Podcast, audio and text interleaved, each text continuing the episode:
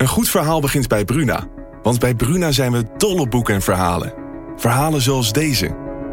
De mist kwam uit de baai opzetten en besloop langzaam het Victoriaanse huis op Blake Street. Drong door de houten kieren naar binnen en bleef in dunne sliert in mijn kamer hangen. Ik lag te rillen onder het dunne dekbed. Wil jij weten hoe dit afloopt? Je leest het in In de mist van Golden Gate Park van Murat Isik.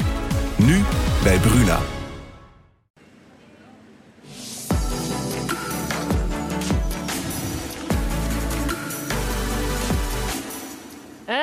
Een hele goede middag en wat goed dat je kijkt naar een nieuwe Talk of the Town. Vandaag maken we kennis met Peter Dijkstra, de gloednieuwe programmeur van poppodium Vera. Wat gaat hij muziek minnend Groningen allemaal brengen? Ook verslaggever Sander Dekker is er weer en hij vertelt ons hoe de grootste cocaïnewasserij van Europa in Nijenveen werd opgerold. En wat we kunnen verwachten van de rechtszaak die volgende week plaatsvindt. Ook hebben we natuurlijk weer muziek, dit keer van Kashmira. Sanne ten Wolde is hier met een fantastische column. En we hebben Hanne Staal, onze trendwatcher. En die gaat mij en jullie ook allemaal helemaal bijpraten. Maar eerst praat ik met podcastmaker Patricia Koolthof en met ontwikkelingspsycholoog Bertus Hieronymus over 30 worden. Dus ik zou zeggen, pak dat drankje erbij. Ga er lekker voor zitten, want wij gaan beginnen.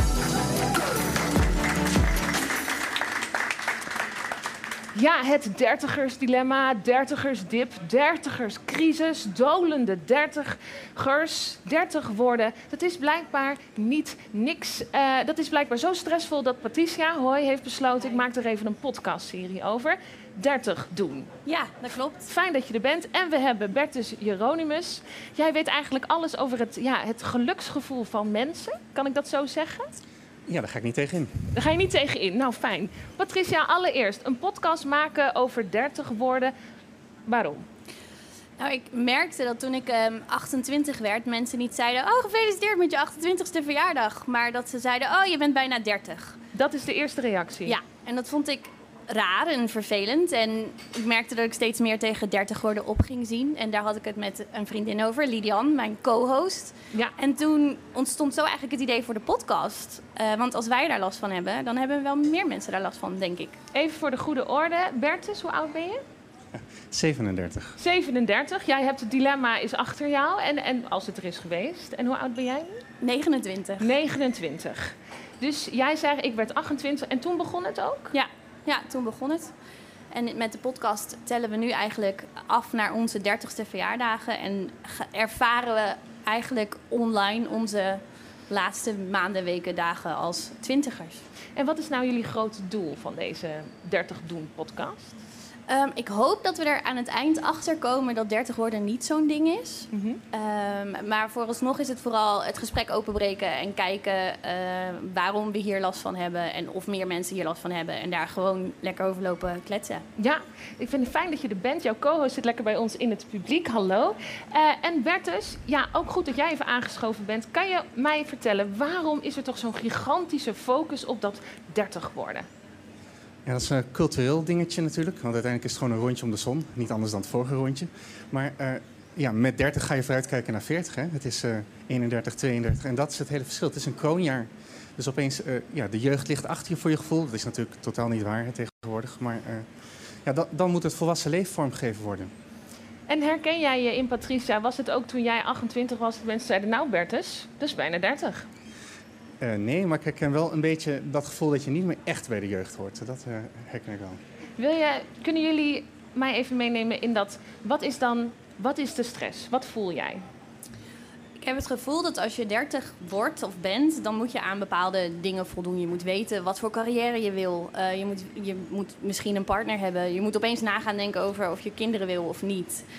Um, allemaal van die volwassen dingen waarvan ik eigenlijk nog steeds geen idee heb of ik daar wel klaar voor ben. En ik weet ook niet wat het betekent als ik dat nog niet weet. Of ik dan een falende dertiger ben meteen.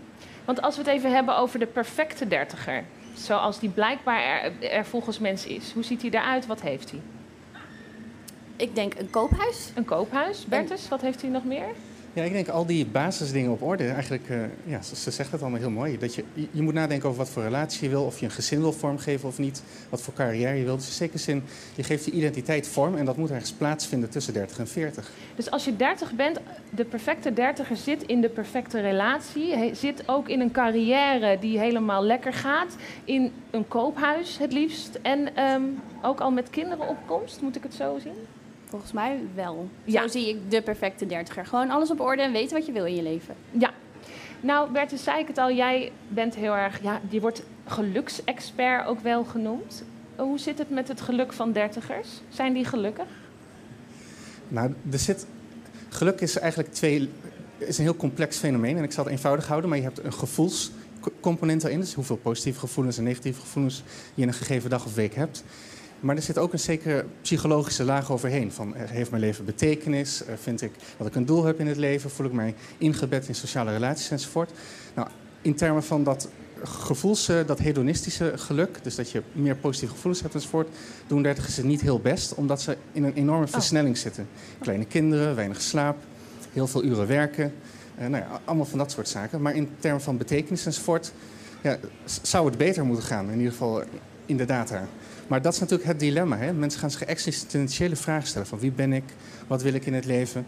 Want je hebt gestudeerd, je hebt een relatie gezocht enzovoort. Dus al die basisdingen die zijn op orde of niet. Maar dan worstel je daarmee. En dan ga je vooruitkijken van oké, dat heb ik nu allemaal bereikt. Maar wat dan? Precies, je hebt het eigenlijk over een soort van levels misschien wel in het geluk zijn in het gelukkig zijn. Ja, sommige sprekers over het onderwerp hebben het over de tweede berg. Dus je hebt de eerste berg gehad, je hebt een opleiding gedaan, je hebt misschien nagedacht over of je een relatie wil, of je kinderen wil en al die dingen. Maar wat dan? Heb je nog een zee van leven voor je? En wat ga je nou doen wat het leven betekenis geeft? Of, nee. En dat zijn vragen waar dertigers mee worstelen. Ja, wat voor vragen worstel jij mee eigenlijk nu als bijna dertiger? Um, ik worstel met de vraag of ik kinderen wil en wanneer ik dat dan zou moeten doen. Want vrouwen hebben natuurlijk wel zo'n tikkende biologische klok en zo. Um, ik wil graag een koophuis, want dat hoort erbij. Maar dat lukt niet, want de woningmarkt is hel. um, en ook of dit nou de carrière is voor mij. Zeg maar het pad wat ik aan het bewandelen ben. Of dat wel de juiste is. Want als dat niet zo is, dan moet ik daar nu nog wat aan gaan doen, voor mijn gevoel als ik hierover nadenk, en ik ben benieuwd wat jullie ervan vinden, denk ik best wel vaak: is het niet ook elkaar opjutten en gek maken om dat ene moment 30? In hoeverre is het iets wat ons wordt verteld door dit soort opmerkingen? En in hoeverre zit het in ons? Begrijpen jullie wat ik bedoel? Ik denk wel eens, nou, ik weet niet of het niet een beetje een hype is. Hoe sta jij erin? Ik denk dat ook, maar dat is dus precies de vraag die we ons willen stellen met die podcast. Door ook experts te vragen hoe zij daarin staan. En andere mensen die die leeftijd al hebben bereikt. Ja. Ja, Bert, dus ik, eh, wat vind jij daarvan? Nou, er zit ook wel een, een zeker uh, component in dat zo geven het leven vorm. Dus dat is eigenlijk onvermijdelijk. In de zin van in de 12e eeuw hadden monniken dit ook al. Dus het is niet per se een heel cultureel bepaald fenomeen. Natuurlijk was dat ook onze cultuur, maar zo erg lang geleden. Maar uh, het heeft ook iets te maken met je bereikt een punt in je leven waarin je het gevoel krijgt dat de, tijd, dat de klok tikt. Van oké, maar ik heb maar zoveel tijd en dat begin je echt te realiseren. Je hebt natuurlijk een aantal dingen bereikt. En wat nu? En daar worstelen heel veel mensen mee. En dat gevoel is natuurlijk eigenlijk inherent aan mensen. Dat je, je sterfelijkheid ga je overzien. Uh... Je hebt het over monniken. Want mijn vraag was, is het iets van uh, mijn generatie en daarna? Een millennial ding? Is dat dan niet zo?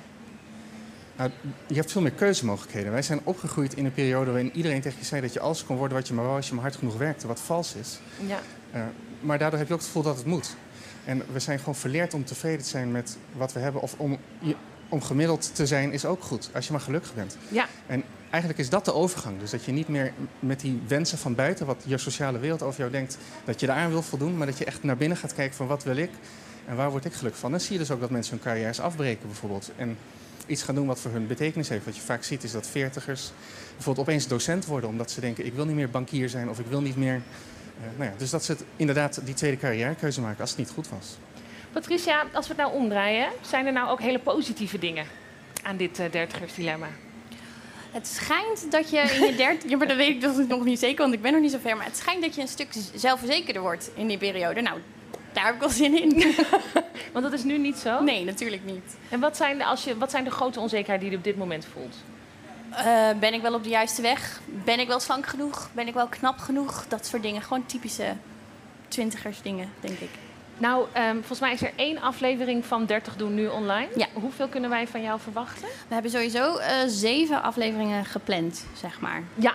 En dan is dat tot aan je 30 bent. Eh, ja, en dan nog een bonusaflevering als Lilian 30 wordt. Want zij is iets later jarig dan ik. Oké, nou kan ik als 31-jarige vrouw zeggen dat ik het leven nou niet per se nu wel heb uitgevogeld. Ik weet niet of dat geruststellend is of niet, maar laten we maar doen alsof het even heel geruststellend is. Het valt allemaal volgens mij wel mee. Ehm, wat zouden we nou mensen kunnen meegeven die 28, 29 zijn en hier echt fysieke stress van hebben? Hebben jullie al een tip? Ik nog Patricia niet. kijkt direct Ja. om naar Bertus. Nou, Help, doe maar hartstikke mooi. Bertus. Nou, in ieder geval niet vergelijken. Die sociale vergelijking is eh, de dood in de pot. Dus eh, die sociale media gewoon minder, niet op Strava enzovoort om je prestaties de hele tijd met anderen te vergelijken, maar meer op zoek naar jezelf. En vergelijk je ook met jezelf. Waar wil ik naartoe? En, eh, ja, daar, dat, en prioriteren. Ja, Dus je kan niet alles. Je kan niet en die grote carrière en zes kinderen opvoeden en eh, al die vrienden onderhouden. En, dus je moet keuzes maken en nou, daar dan tevreden mee zijn. En dat is een kunst. naar jezelf kijken. Waar word jij blij van? Niet te veel focus op andere mensen. En als we die dertigers piek dan gehad hebben, hè, zitten wij straks in hetzelfde gesprek weer over een paar jaar te doen met het veertigers dilemma? Is dat ook een ding? Of is die minder aanwezig? Ja, dat is veel minder. Je hebt natuurlijk dat verhaal van de midlife crisis, maar eigenlijk overlapt het. Het is hetzelfde fenomeen in zekere zin. Eh, nee, je wordt inderdaad gelukkiger met ieder jaar dat je ouder wordt. Je wordt emotioneel stabieler, je wordt georganiseerder. Eh, je, je gaat je meer tevreden voelen, zelfverzekerder. Dus eh, wat dat betreft alleen maar goed nieuws. Ja. En kan het, Patricia, misschien ook nog zijn dat wij vrouwen dan ook nog te maken hebben met het hele kindervraagstuk? Dat denk ik wel. Ik denk dat dat meespeelt. Want ik, ik ben zelf ook even gaan rondvragen. Ik hoor het meer bij vrouwelijke vrienden. Ja. Heb jij dat ook? Ja, dat heb ik ook. Eh, mijn vriend is hier ook veel minder mee bezig. Dus er komt Ja. ook een aflevering waarin, ons, waarin we onze vriendjes bevragen over hoe dat voor hun is. Fijn. Hoe kunnen we de podcast beluisteren? Hij staat op Spotify en op eh, Apple eh, Podcasts. Ja. En hij heet gewoon 30 doen. Nou, ik zou zeggen, wij gaan allemaal luisteren naar 30 doen. Bert, Bertus, bedankt dat je er was. We gaan je ook tips zeker Dankjewel. meenemen. En Patricia, ook neem je drankje mee. Ga lekker zitten. Dames en heren, mag ik een warm applaus voor Bertus en Patricia. Goed. En van het dertigersdilemma gaan we naar een heel ander dilemma. In ieder geval een dilemma waar ik altijd mee zit. Namelijk, wat moet ik nu weer aan? Maar gelukkig is hier Hanne Staal, onze trendwatcher. Want Hanne weet altijd precies wat de trends van nu en van morgen zijn. Hanne, welkom. Ja, dankjewel Lara. Vorige keer dat je hier was, kan ik me herinneren, hadden we het over de wolvenvliesjacks. Inderdaad. Ik ja. moet eerlijk zeggen dat ik dacht, hartstikke leuk, dit wordt geen trend. Maar ik heb het online gezien, ik heb het in de stad Toch? gezien en ik heb het in vintage winkels Nou, gezien. Kijk, dat, was, dat is gewoon precies wat ik bedoel. Dus je bent weer helemaal spot on. Ja. Zit dat hele dertigersdilemma, heb jij daar ook mee te maken trouwens? Eh, nee, nee, dat doe, daar doe ik niet aan. Daar doe je niet Nee, aan. nee, nou, dat is lekker kort en krachtig. Dat is ook een tip, doe er gewoon niet aan. Nee. Hanne, ik heb eigenlijk maar één hele grote vraag voor jou. En dat is, wat valt jou op? Wat moeten we weten? Nou, net als de vorige keer hebben we gewoon weer drie thema's voor vandaag. En we beginnen met het eerste thema en dat is de parelketting. De parelketting. Ja, en dan heb ik het niet alleen over eh, oude dametjes die mooie parelkettingen hebben. Maar Ja? dan heb ik het over mannen, vrouwen, iedereen, kinderen met parelkettingjes. En dan echt zo'n zo'n dikke witte. Ja, of eh, eentje met zoetwaterparels, dat kan ook gewoon. Snoekwater, ja. Zoetwaterparels, ja, die Ja? glimmen ook heel erg mooi. Vooral als je ze langer gaat dragen, dan eh, gaat eigenlijk de, de vetheid van je huid gaat lekker in je parels zitten, waardoor ze lekker gaan glanzen. Nou, dat is precies wat je wil. Dat wil je. Je wil de vetheid van je huid, Ja, wil je als glans over die parels. ja, en het is dus nu ook helemaal oké om als jongen een parelketting te dragen. Sterker nog, Harry Styles, we kennen hem allemaal, Ja. heeft nu allemaal van die leuke kettingjes om. En je ziet het overal terugkomen. En eigenlijk moet je niet voor een goedkoop plastic parelkettingje gaan. Want Nee. dat is de hele show is er dan vanaf. Nee, je gaat gewoon naar een juwelier waar ze occasions hebben. Dat zijn van die tweedehands kettingen eigenlijk. Die worden opgekocht van mensen die bijvoorbeeld zijn overleden. Of mensen die denken, nou erfstuk, bye, ik wil mijn geld. En ehm, je kan dus bijvoorbeeld naar juwelier Shai gaan in de Ja. Oosterstraat. En daar hebben ze hele mooie parelkettingen. En dan zeg je, mag ik de occasions zien? Precies, ja. En dan zeggen ze, oh mevrouw, de occasions, oké. U eh, heeft met Anne gepraat. Ja. Ik kom er even door. Exact. Ja. En dus zowel ik als alle mannen hier in deze zaal, die lopen deze... Iedereen. Die kunnen eigenlijk Baby's. vanaf vandaag die Ja. parelketting... Dus vraag je oma, eh, oma, heb je nog een mooie parelketting? Dan zegt ze, kind, doe dan een van Hier mij lekker om. een- Ik ben alleen maar blij dat hij weer gedragen wordt. En dan Ja. ga je. Nou, oké, de parelketting. Ja. Goed. Wat hebben we nog meer? Dan gaan we naar de 2000 Revival. 2000 is nu het jaar van eh, je wil alles van, van die fashion hebben. Je wil weer strings boven je broek gaan dragen, lage broeken, crop tops, navelpiercings, tribal tattoos. Alles Ja, want kan. 2000, neem me even mee. Wel, welke artiesten waren hadden we toen? Wat was Eh, dat dan moeten we denken aan eh, Christina Aguilera, Oh, ja. dan moeten we denken aan Britney Spears. Dat zijn echt de namen waar je nu aan moet denken. Ja, Bershka heeft nu ook een hele lijn eh, hebben ze uitgebracht met ehm, dat soort kleding. Dus dan Ja. moet je denken aan zachte roze, badstofjes, doorzichtige stofjes. Vergeet vooral ook oh, deze tasjes niet. Ja. Kijk! Oh, dit noemden we altijd de, de okseldroger. Ja, Als je op of- stap ging. Of nu kan je gewoon zeggen, ik ben een schoudertassie wijfie. Schoudertas wijfie. Ik ben een schoudertassie wijfie. Ja, Ja. deze kan ook gewoon... Oh ja. Ja, dit, dit, je, lipgloss kan erin. Oh ja, de lipgloss. De lipgloss En dan zit je op de fiets en dan blijft Ja. het zo lekker plakken Ja. in je lip. En eh, deze zonnebrillen, die mogen natuurlijk ook niet ontbreken. En eh, je zou bijvoorbeeld gewoon even Zet lekker gek niet op, dat doen. is voor niemand leuk. Is oké. Je zou ehm, even gek kunnen doen en denken van... nou, daar hoort gewoon zo'n vette tribal tattoo bij... of zo'n ja, reetgewei kan je ook laten zetten. Oh, dat kan je dus doen bij Lars van Poivre Tattoos. Hij zit in de Gelkingenstraat in Smooth Sailing. En hij doet die dingen dus. Maar Hanne, ga jij nou serieus... Beweer jij dat... Mijn Duitse familie noemt dat Aarskewei. Ja. Zeg maar die stempel boven je Ja. kont. Dat komt terug. Helemaal. Sterker nog, Lars heeft het vandaag nog bevestigd. Dat hebben we hier gehoord. Ja. Want, ja? Ja, en deze, die, weet je wel, die... Met eh, van die vlammen erop? Ja, en die banden. Ja? Ja.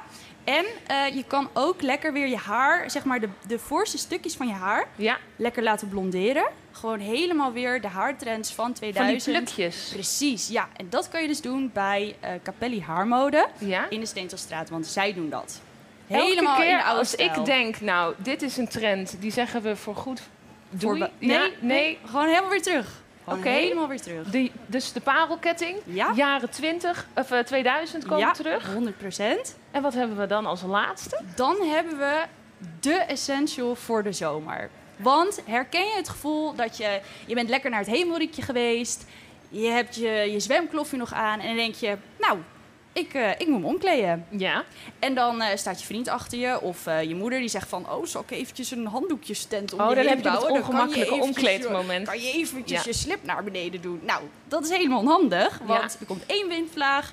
Je slip vliegt door de lucht heen. Dat moeten we niet hebben. Nee. Dus wat moeten we kopen? We moeten kopen een surfponcho.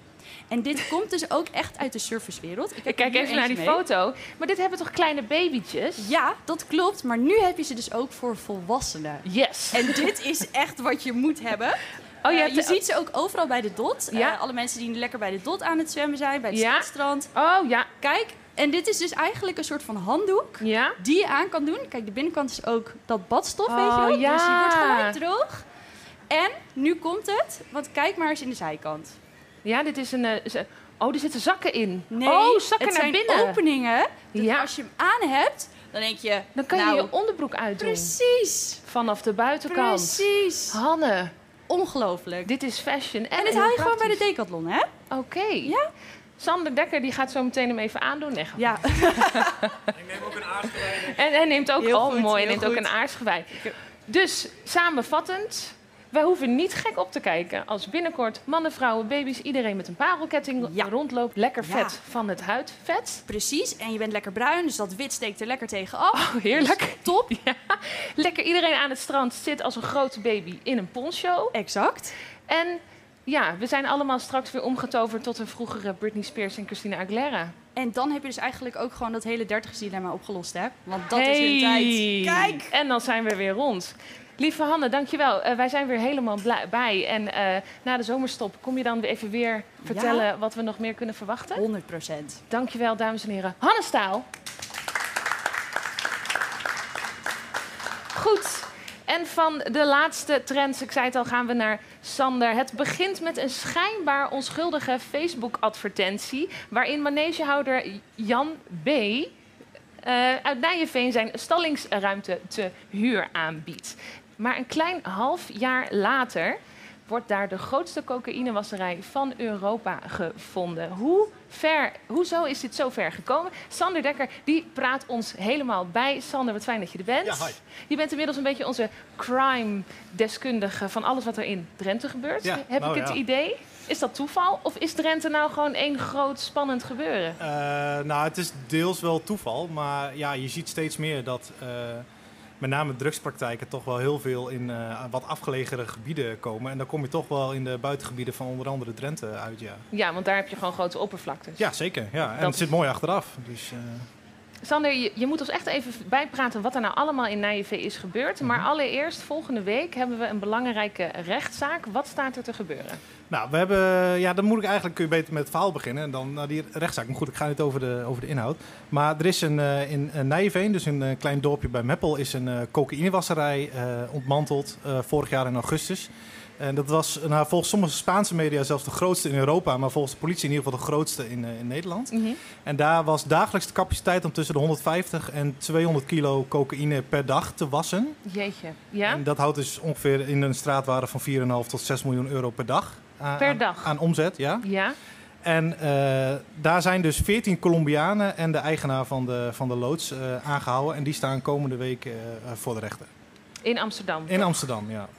Nou is het eh, vrijdag 7 augustus volgens mij. Ja. Hè? Dat is de dag Ja. dat in Nijenveen ontdekt werd dat daar toch iets anders gaande was Ja. dan we allemaal dachten. Nou ja, ontdekt. eh, ze stonden al een tijdje op de rol. Maar Ja. ja, ja het was een hele mooie zonnige dag. En eh nou ja, Nijveen is, ja, het is een heel klein dorpje. En eh, daar zagen alle buurtbewoners opeens eh, eh, helemaal geblind, of geblinddoekt, maar met bivakmutsen. Ja. politieagenten met zulke geweren over straat lopen en een gepantserde beercat. Volgens mij, daar kwam, ja, we zien hem daar staan. Maar Over hoeveel politieagenten hebben we het dan? Ja, dat was een totaal bataljon aan agenten. Ja, tientallen misschien wel, ja. Ja, En ook recherche en de, de LFO die dan drugsonderzoek doen. En, een- en, en een cellenbus onder andere ook, waar ongeveer eh, nou, 20, eh, 30 hooligans normaal gesproken in eh, vervoerd kunnen worden richting een eh, ja, politiebureau. Maar daar zaten nu allemaal Colombianen in, ja. Want die werden daar ter plekke Ja. gearresteerd. Klopt. Ik zei het net al, het begon met een Facebook-advertentie Ja. van ene Jan B. Ja. Die zijn manege wilde verhuren. Ja, Jan B. is een eh, redelijk eh, markante verschijning in de paardenwereld in het noorden. Hij werd in 2017 was hij nog eh, fokker van het jaar Ja, van Friese paarden. Dat zijn van die enorm grote zwarte dieren. ja. En eh, ja, hij had eh, zijn stal eh, te huur, want hij, heeft een, hij kwam uit de scheiding en hij deed samen met zijn, met zijn ex-vrouw deed hij, nou, heel veel hippische trainingen en het verhandelen van paarden en het fokken van paarden. ja. En ja, daar had hij eigenlijk niks meer voor, dus hij moest dat verhuren. Hij had die ruimte, hij kon daar op dat moment niks mee, dus hij dacht, nou, als ik het verhuur, dan heb ik in ieder geval iets van inkomsten. Want, Heb ik weer wat verdiend. ja, er waren schulden, want dat bedrijf had hij samen met zijn vrouw, dat, was, dat moest verdeeld worden, dus Ja. ja, hij moest wat. Precies. Ja, en toen kwamen er eh, mensen bij hem voor een eh, computerbedrijf van dat refurbished eh, computers. Dat is dat, je oude doen. computers Ja. omtovert tot een nieuwe computer. Mhm. En dan heeft die man geen seconde gedacht... goh, wat raar dat je dat in een manege wil opzetten. hij zegt van niet, nee. Nee, maar Nee. wat denk jij? Nou ja, ik, ik ga niet over het veroordelen van, maar hij heeft tegen mij, ik heb hem zelf persoonlijk ook gesproken, hij heeft gezegd, ja, ik, wist echt, ik wist echt van niks. Deze mensen die hadden gewoon, die wilden mijn schuur huren, die wilden er wat verbouwingen aan doen. En eh, totdat op een gegeven moment mijn deur wordt ingeschopt en eh, blijken er opeens 14 Colombianen te zitten. Nou, dat is niet wat het eh, OM, justitie dus vindt. Nee. Die zegt, joh, jij kreeg een telefoon van die verhuurders waar één nummer in stond en daar moest je contact mee onderhouden.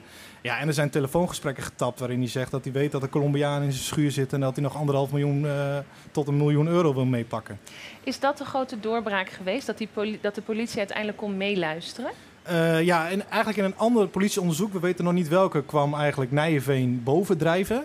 Ja, en toen zijn ze daar eigenlijk gewoon digitaal in de bosjes eh, gaan liggen. Ze hebben met de EncroChat, de, die crypto-telefoons, eh, ja. hebben ze meegelezen. Ze zijn, telefoons gaan tappen, ze zijn gewoon gaan posten eigenlijk. Maar dan zitten ze dus, gaan ze dus om, om die manege heen... Ja, met z'n allen bivakeren en Ja. dat dan in de gaten En houden? ze wachten eigenlijk gewoon net zo lang tot het moment dat er echt begonnen wordt met het wassen van, van cocaïne in dit geval. Ja, dat wassen van cocaïne moet Ja. je me ook nog even Ja, uitleggen. precies. Want is dat zo letterlijk als wat ik me erbij voorstel, namelijk iets wassen? Ja, het is niet een wasserij die je bijvoorbeeld hier in, eh, in, in Groningen tegenkomt, maar het is, een, eh, eh, het is niet een normaal drugslab. Eh, cocaïne was is eigenlijk de meest verfijnde techniek eh, in de cocaïnesmokkel. Dus we kennen het wel dat de ananas wordt opengesneden, leeggemaakt en daar wordt dan cocaïne in vervoerd in eh, Oh, dat ken ik helemaal niet. Je zegt dat hebben ze Dat gebeurt al. Ja, oké. tips voor uh, geen... Ja, nou, ananas Eh, kopen. maar ja. hier eh, is het eigenlijk anders. Dus met chemicaliën lossen ze de cocaïne eigenlijk op. Ja. En dan kun je het eigenlijk overal in verstoppen. En dan hebben we het over Kleren, uh, satésaus, eh, shampoo. Ja. Dan, kun je het eigenlijk, dan laat je het in verdwijnen door, eh, door die chemische eh, eh, Ja. verbindingen. En dan, dan verscheep je het. Dan is het eigenlijk niet meer te, te herkennen. Maar En, en op het moment dat het dan dus in Nijveen aankomt, Ja. in dit geval zat het in steenkool. En dan wordt het gewoon eruit gewassen met, met, met allerlei andere chemicaliën. En daar komt daar vloeibaar spul uit, waar je uiteindelijk weer cocaïne van kan maken. Dus het is niet wat, want ik heb wel eens Breaking Bad gezien. Ja, heeft niks met, met allemaal van die reageerbuisjes en Ja. eh, hoe explosies. Maar de- dan, nu zie ik dan dus opeens voor me dat allemaal mensen saté-stokjes staan te wassen. Nou, nee, in dit geval was het dus de steenkool. Ja. En je hebt dan, de, er werden eh, eh, eh, van die cementmolens werden er gevonden. Sorry, ik kwam even niet op het Ja. woord. En ja, gewoon complete lektafels. En daar komt uiteindelijk dat spul uit. En dan is het gewassen en dan kun je het hier uiteindelijk verhandelen. En daardoor, het was, het was een enorm professionele wasserij in Nijveen. Ja. Ja, uiteindelijk 14 eh, Colombianen zijn daar aangetroffen. Eh, die gingen ook echt in ploegen werken. Dus ze hadden een complete slaapvertrekker. Ze hadden een keuken. ja. Die zouden gewoon in ploegendiensten alleen maar cocaïne gaan wassen. En hoe, die Colombianen die daar dan allemaal gewerkt hebben, kregen die dan een telefoontje vanuit... Hé, hey, ik zit nu in Nijveen, eh, Ja. kom langs, eh, Dat, help- dat zeggen helpen. ze zelf natuurlijk wel. En eh, ze zeggen, ja, we zijn eigenlijk gewoon gevraagd van... kom in Nederland eh, werken, we hebben werk voor je. En, eh, Maar er werd niks gezegd over steenkool. zij zeggen, niet, eh, ze zeggen inderdaad dat ze niet wisten dat het om drugs ging... tot het moment dat ze daar aankwamen. Ja. Maar ja, aan de andere kant, eh, er zijn daar mensen aangetroffen... die onder andere voor 32 jaar cel veroordeeld zijn in de VS eerder in 2000. Dus je zou je kunnen afvragen of ze nou echt totaal geen Dat- idee daar hebben. kun je zeker je vraagtekens bij stellen. ja. Wat vind jij nou het meest fascinerende aan dit hele verhaal? Nou, uiteindelijk gaat het voor ons als, als krant van Dagblad van het Noorden natuurlijk om deze Jan B., die paardenhandelaar, die eh, echt een enorme eh, bijzondere verschijning was in de paardenwereld. En vier jaar nadat hij fokker van het jaar is, opeens in een eh, compleet eh, ja, drugslab gewoon terechtkomt. Dat Ja. is enorm fascinerend, hoe zoiets gaat. Jij hebt Jan B. ook gesproken, hoorde ik. Ja.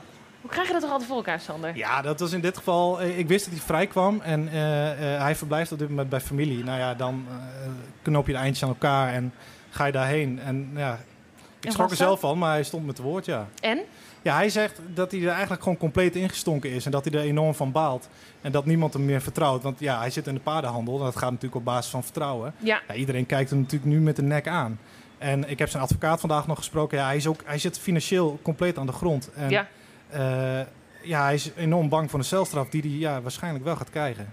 Want je zou ook kunnen zeggen, dat is een fantastisch motief. Je zat al in de schulden. Eh, het is niet niks, je hebt net de getallen genoemd. Ja, Maar hij beweert, nee, ik dacht toch echt dat er hele mooie nieuwe computers uit mijn manege zouden komen. en tot hij erachter kwam dat het om eh, poeder ging, eh, ja, had hij eigenlijk, ja, was er geen weg meer terug. Dat, dat is wat hij zegt. Ja, Maar ja, het OM zegt dat hij wel actiever contact had met de criminele organisatie achter dit, deze cocaïnewasserij.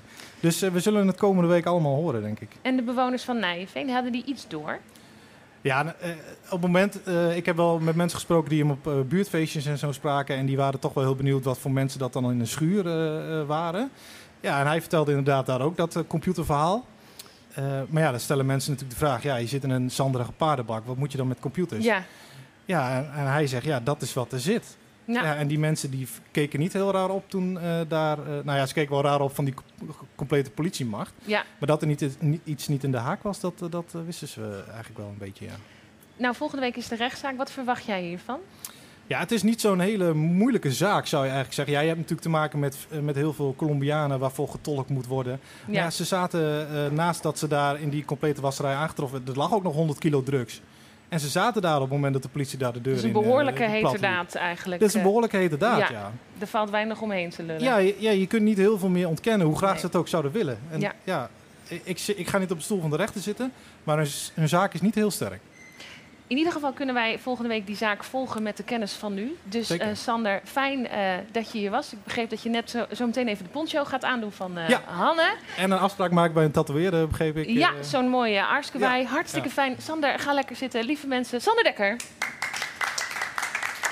En van Sander gaan we natuurlijk naar Sanne, die weer een mooie gloednieuwe column voor ons heeft. Sanne, hoe zit jij in het hele dertigers eh, dilemma ding eigenlijk? Goed. Goed, Ja, wel ik of zit er niet? Daar zit je helemaal niet in. Wel. Jawel? niet? Ik wel, ja. Ik zit wel... eh, ik vind het wel irritant. Gewoon die, dat, dat kindergedoe. Dat je gewoon nog maar 31 jaar hebt om kinderen te krijgen. Ja, Vind ik zo irritant. die deadline die wij als vrouwen hebben. Ja. Ja, nou, eh, gelukkig niet zo irritant is jouw column. Ik zou zeggen, Sanne, take it away. Ik zat deze week in Friesland in een tuin waarvan de nabijgelegen boer zei dat de biotoop op orde was. Dat leek mij ook. Er waren plekken en kieren die hij hotels noemde. Deels omdat het gezellig klinkt en deels omdat je wel inziet dat het voor mussen en kevers geen straf is om daar op visite te gaan. Niemand kan vertellen waar dat evenwicht zit, wat de harmonie maakt. Net als bij gezichten en gerechten op smaak. Balans hoeft niet saai en timide te zijn. Ook grote neuzen en bomen kunnen door de rest van het systeem worden rechtgetrokken. Er klopt iets wat niet in een waarneembare categorie te zien is, maar wat maakt dat je er gerust even bij kunt weglopen, zodat de vlinders, zonder dat de vlinders vergeten de planten te vinden. Er kwam een koe dichterbij die ik als hond aansprak, omdat ik niet zoveel van koeien weet. Tussen ons in beginnen libellen te paren en het weer het is dat weer wat ik niet kan uitleggen. Dat weer alsof het weer geen keuze kan maken. Ik heb eens gehoord dat dat betekent dat er een vossenstel op het punt staat om te trouwen. Zo zonder mensen lijkt de wereld helemaal niet zo op de hobbel.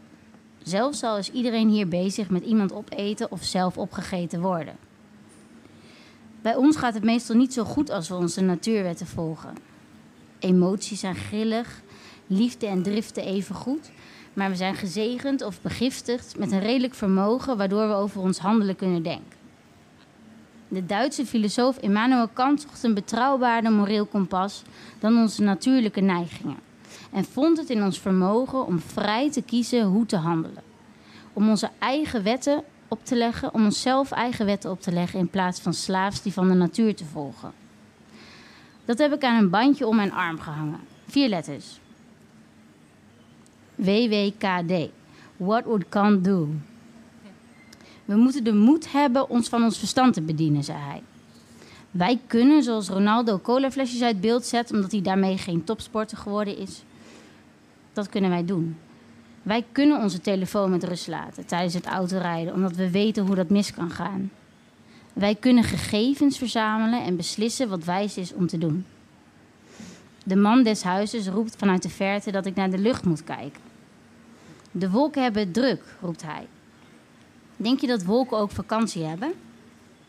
Daarna laat hij me de plekken in zijn tuin zien waar hij geplast heeft en dat het gras daar vele malen groener is. Hij pakt de krant met op de voorkant 15 jaar cel voor Spanjaard die zijn moeder opat. Ik kijk naar het gras en moet concluderen dat het waar is. Dankjewel. Goed.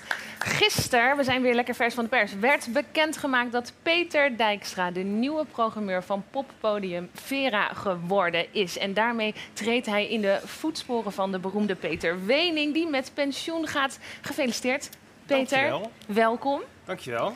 Wat voor dag heb jij gisteren gehad? Zo, een dag met heel veel felicitaties. Ontploft eh, social media. eh, mensen die belden voor interviews, et cetera. Dus eh, ik, ben, eh, ik ben wel een beetje afgedraaid. Echt? Is dat niet iets waar je wel even lekker op gaat, al die aandacht? Ehm, nou ja, ja, even wel. Maar dit was wel, eh, dit was wel overweldigend eigenlijk. Ik, was, ik, ben, ik ben niet heel snel sprakeloos, maar ik was gisteren wel echt een beetje sprakeloos. Dat, ja, dat kan ik me goed voorstellen. Ik zei het al, je, je, ja, je treedt in de voetsporen van Peter Wening. Eh, die is behoorlijk bekend en geliefd. Is dat leuk of levert dat heel veel druk? Ehm, nou, nee, nee, dat is leuk. Ten eerste sowieso leuk, want, want het is Vera.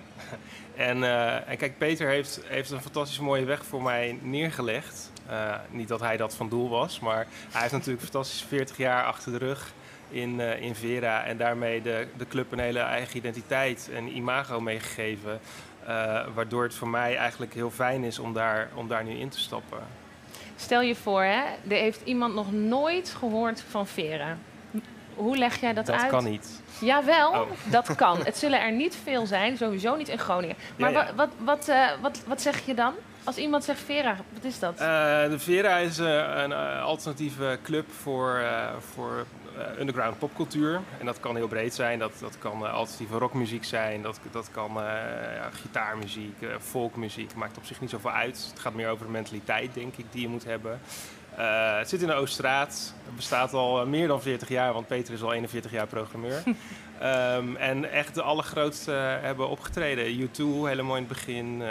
Joy Division, Nirvana, Pearl Jam, White Stripes. Nou ja, wel een beetje name droppen, maar... Ja, maar dat zou ik ook lekker doen, toch? Name drop is Eh, altijd heel, eh, ja, heel fijn. Ja, Je zegt underground, eh, want die namen die je net doen, Nirvana en zo, die zijn nu heel groot. Ja. Doen jullie ook aan hele grote namen? Nee, nee, het gaat er wel echt om dat je, dat je gaat eh, eh, kijken naar van wa- wat komt eraan. Hè? Ja. Wat, wat willen we graag laten zien wat mensen nog niet kennen? Eh, waar zien we iets in eh, wat misschien eh, wel heel groot wordt, maar misschien ook niet. Het is ook helemaal prima dat er een, een band speelt die voor altijd op de capaciteit van Vera eh, blijft spelen. Maar echt grote namen, die gaan natuurlijk naar grotere zalen. Die gaan naar een Paradiso of naar een Ziggo Dome uiteindelijk.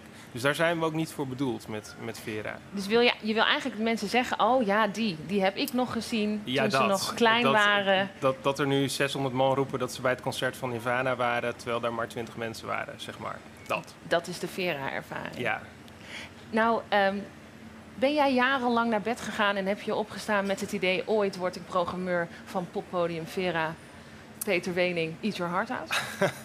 Nee, nee, nee, nee. nee. Ik, eh, ik ging jarenlang naar bed met het idee ik word popjournalist. Oh ja, Ja.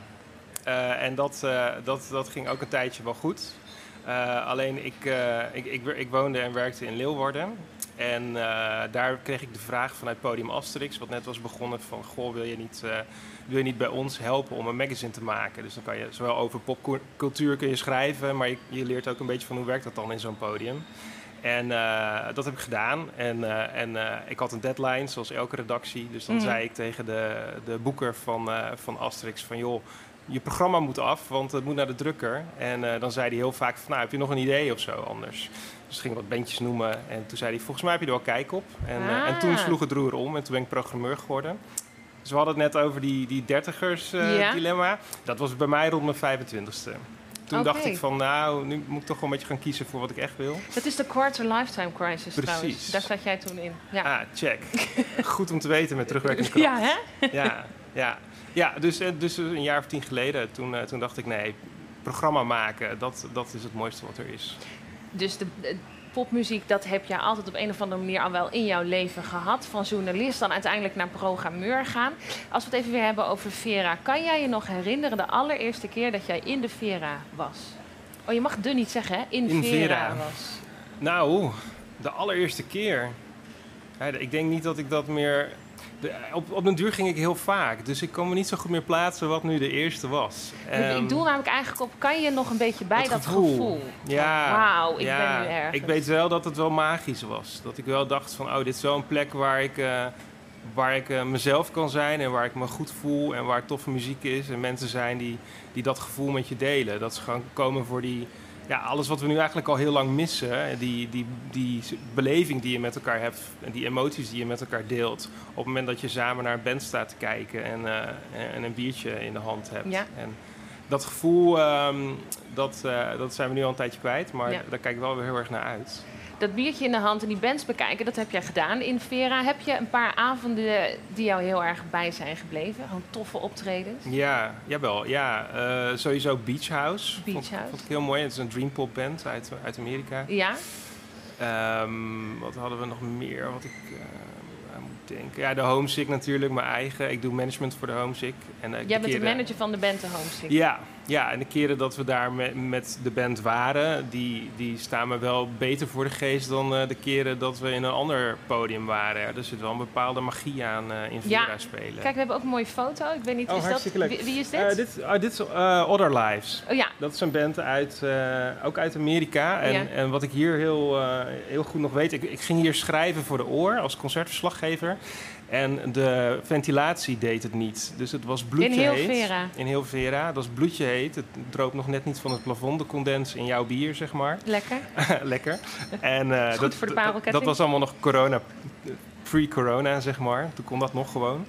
En, ehm, en juist door die, door die benauwdheid en die warmte kwam die show echt tot leven. Daar, zeg maar, ze, ze maken hele filmische muziek over Mhm. hoe het leven op, op de, de prairie is, zeg maar.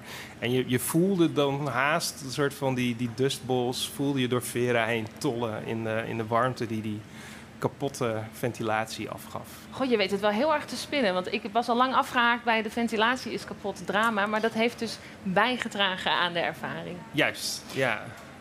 Wat ik ook nog van jou wil weten, zo'n bandje, hè? Als je als band krijgt te horen van binnenkort jou, je mag spelen in Vera. Wat betekent het voor een beginnende band?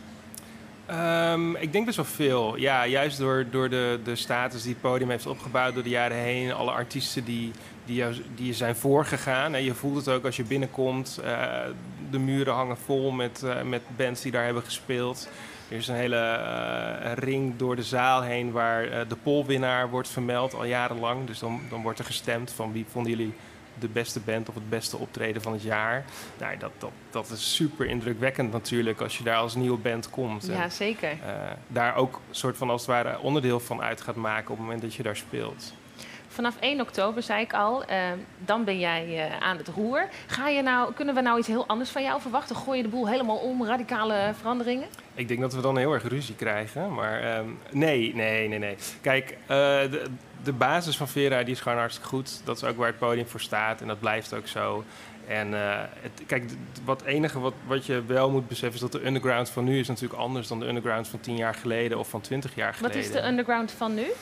Ik denk dat die wat eclectischer en diverser is. Dat het wat, wat minder alleen gericht is op gitaarmuziek of zo. En er zijn ook heel veel mensen die hebben de afgelopen jaren in, eh, in zolderkamertjes fantastische muziek gemaakt. Wat, wat heel goed toch in een eigenzinnig, eigenwijs Vera-profiel past. Dus eigenlijk horen we misschien wel allemaal soorten stijlen door elkaar heen straks in Ja, Vera. ja, dat zou me niet verbazen. Ja. En als je nou één ding mag noemen waar je heel erg naar uitkijkt? Een volle zaal. Ja, en heb je dan ook al een speciale band in je hoofd die daar dan staat in die volle zaal? Jij bent Ehm, programmeur, hè? Alles ja, van- ja, ja, ja, ja. Maar je- nou, nee. Ik kan niet ah, top of my head nu een band bedenken.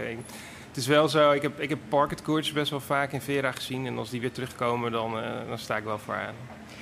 Nu we het toch over muziek hebben, zometeen eh, hebben we een fantastisch optreden van Kashmira. Ja. Ik dacht, die kan ik aankondigen, maar ik kan jou ook eventjes... Of, of ik dat wil doen. Nou ja, kan je even wat leuks vertellen over onze artiest die eh, Oh. al eh, staat te popelen om Nou, te spelen? Eh, sta je ook al achter mij? Ze staat nog niet achter, Oh. maar ze komt er nu aan. Oké, want dan is het heel ongemakkelijk dat je... Nee, dat mag jij nu lekker volkletsen. Ja, ja. Ja, doe maar. Nou, wat ik heel leuk vind, Kashmir is ook een hele eigenwijze artiest. En ik, werk momenteel nog steeds in Simplon. En daar doen we al een eh, tijdje Simplon-sessies. Artiesten kunnen dan twee, drie dagen in ons podium terecht om gewoon nieuwe muziek te maken of te experimenteren met hun setup en dergelijke. En eh Kashmir die, eh, die durft dat ook aan. En dat, ik vind het heel tof dat je, dat je gewoon op zoek gaat naar nieuwe dingen en, en het experiment aandurft in plaats van braaf de meute volgt. Dus in die zin ga Kashmira, vooral de luisteren. verwachtingen zijn nu lekker hoog, hè? Allereerst, Peter, ik wil je bedanken dat jij hier zo vers van de pers na, de, na zo'n heftige dag bent komen zitten. Wij gaan nog veel van jou horen, lieve mensen. Mag ik een warm applaus voor Peter Dijkstra. Peter, jij mag lekker zitten. Eh, en dan gaan we, zoals Peter zegt, naar de eigenwijze Kashmira. Kashmira, je wordt een absurdistische punksensatie genoemd. Kan je je daar een beetje in vinden? Daar kan ik me wel in vinden. Nou, Ja. hartstikke mooi. Wat ga je voor ons spelen?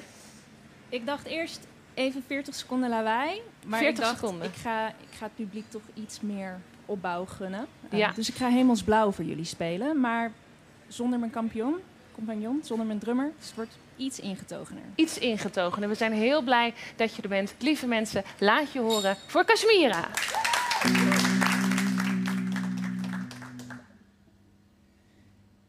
Je draagt je kleur met zoveel trots. 200 kilometer je gereisd. Maar hier regent het ook golven van schadewaan. Je in het water